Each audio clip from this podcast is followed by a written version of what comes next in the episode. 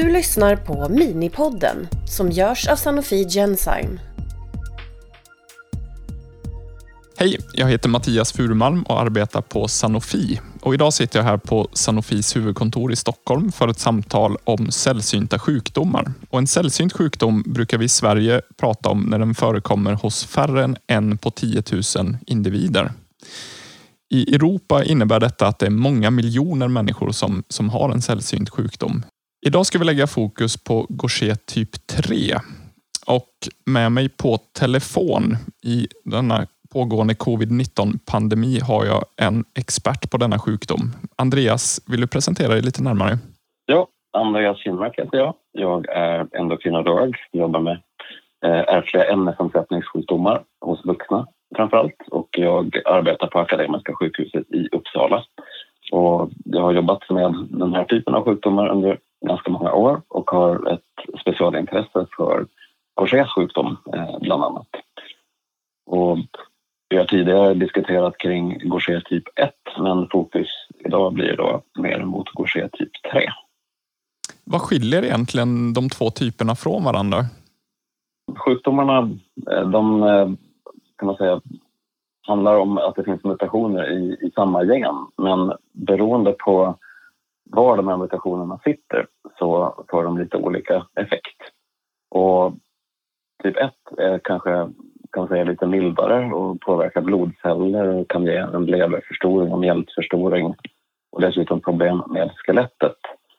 Och man kan säga att typ 3 är som en typ 1 men dessutom så får man en påverkan på nervceller i hjärnan framför allt. Man brukar kalla det för neuronopatisk, att neuronerna, nervcellerna i hjärnan drabbas. Okej. Okay. Vilka är de vanligaste symptomen på den här nerv, nervsjukdomen som du, som du pratar om nu? Man kan säga att, att typ 3 generellt är man säga, lite allvarligare än typ 1 och ofta så noterar man symptomen lite tidigare. Det vill säga i barndom och ungdomsåren så har man ju också en skelettpåverkan. Jag kommer att prata lite mer om skelettpåverkan men det som är mer utmärkande för typ 3 är eh, påverkan på nerverna, på nervcellerna. Och dels kan man ju då säga en påverkan på hur man kan eh, snabbt flytta blicken. Alltså, vi är väldigt bra på att, att, att fokusera på olika saker i synfältet men har man en Gaucher typ 3 så kan man ha svårt att fokusera blicken på, på eh, saker som rör sig. Helt enkelt. Eh, sen kan man också få skelning man kan få problem med balansen och det som kallas för ataxi. Man kan också få lite spasticitet, alltså en, en slags eh, ökad muskelspänning. Sen kan det också progredera till att man får epilepsi och också en, en demens som, som ökar med åldern. Den här nervkampen tillsammans med den skelettpåverkan som man har vid Gauchers sjukdom ger lite speciella problem hos typ 3 går Att man kan få en snedhet i ryggen, skolios och kypos som kan bli ganska allvarlig och kan vara lite svårbehandlad.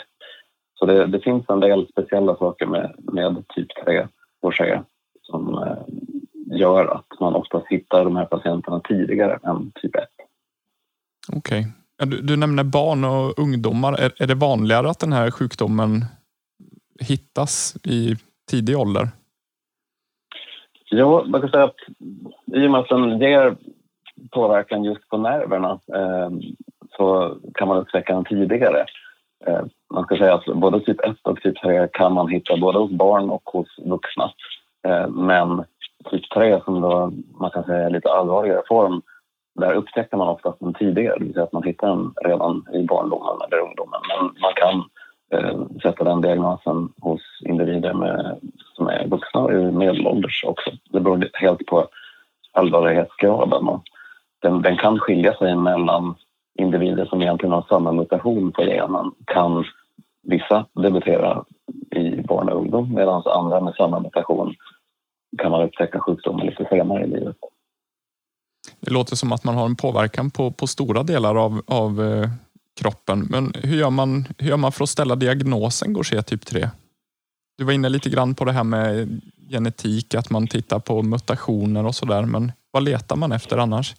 Egentligen är det just de här symptomkombinationen som jag beskrev. Att man har en påverkan på blodceller, att man har en påverkan på levermjälte och sen den här neurologiska påverkan och skelettpåverkan. Så det sammantaget gör att man bör misstänka den här sjukdomen. Det finns kan säga, ett antal olika superspecialister som är duktiga på att göra såna här utredningar. Men då, det som behövs då är att man misstänker sjukdomen. Sen om man väl skapat misstanken om sjukdomen så finns det speciella tester. Och nu för tiden kan man säga att med internet och om man gör en sökning på de här symptomen så dyker ju faktiskt Gauchers sjukdom upp som en av möjligheterna. Så att det gör ju också att även patienterna själva eller familjemedlemmar kan börja misstänka diagnosen redan innan man har träffat en läkare. hur ser omhändertagandet ut för de här patienterna som har Gaucher typ 3? I och med att jag, jag, tänker det är många delar av kroppen som är inblandat. Eh, det låter som att det, det är många olika specialister som är involverade kring de här patienterna. Precis. Och I och med att det är en, en sjukdom som eh, ofta debuterar eller man sätter diagnosen i barndomen så blir det ett, ett, kan man säga, ett, ett team som bildas kring de här barnen och ungdomarna. Och då är det alltifrån de som jobbar specifikt med, med nerverna som neurologer eller med skelettet, det vill säga ortopeder. Men också en, en stor mängd andra specialister som, som jobbar med habilitering ser till att, att de här barnen och ungdomarna kan fungera så väl som möjligt. Och det gäller ju allt ifrån sjukgymnaster, arbetsterapeuter och liknande som, som gör så ökar möjligheterna att man kan vara med i, i skola och i arbete så mycket som möjligt. Det kan vara så att man behöver anpassa bostäder till exempel, se till att, att barnen får hjälp i skolan och så vidare. Om vi blickar mot framtiden, hur tror du att situationen kommer se ut för de här patienterna som har Gaucher typ 3 jämfört med hur den ser ut idag? Jag känner mig hoppfull. Dels så har vi redan nu behandlingar som, som hjälper mot vissa aspekter av sjukdomen. Det som är den stora utmaningen vid typ 3 Gaucher det är ju att, att hjärnan är skyddad av det som kallas för blod-hjärnbarriären, det vill säga vi har svårt att komma åt de cellerna vid den här sjukdomen som är skadade. Men det pågår en hel del forskning så jag känner mig hoppfull för framtiden även för den här svårare eh, varianten av Gauchers sjukdom. Och även om inte vi ser resultat här och nu så kan man tänka sig att inom det närmaste decenniet så har vi fått förbättrade möjligheter att hjälpa till. Gaucher typ, typ 3 kallas ju också för Norrbottenformen. Hur, hur kommer det sig Andreas? Ja, lite intressant.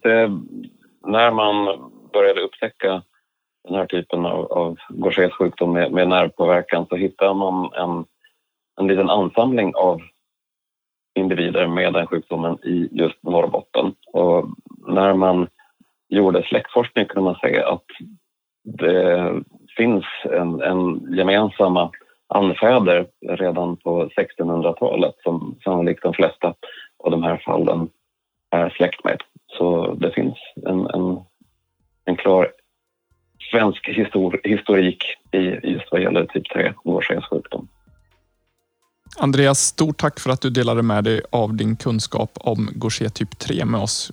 Eh, och om du vill veta mer om Gauchers sjukdom så kan du kika in på webbplatsen för sällsynta sjukdomar www.ovanliga-sjukdomar.se. Du har lyssnat på Minipodden som görs av Sanofi Genzyme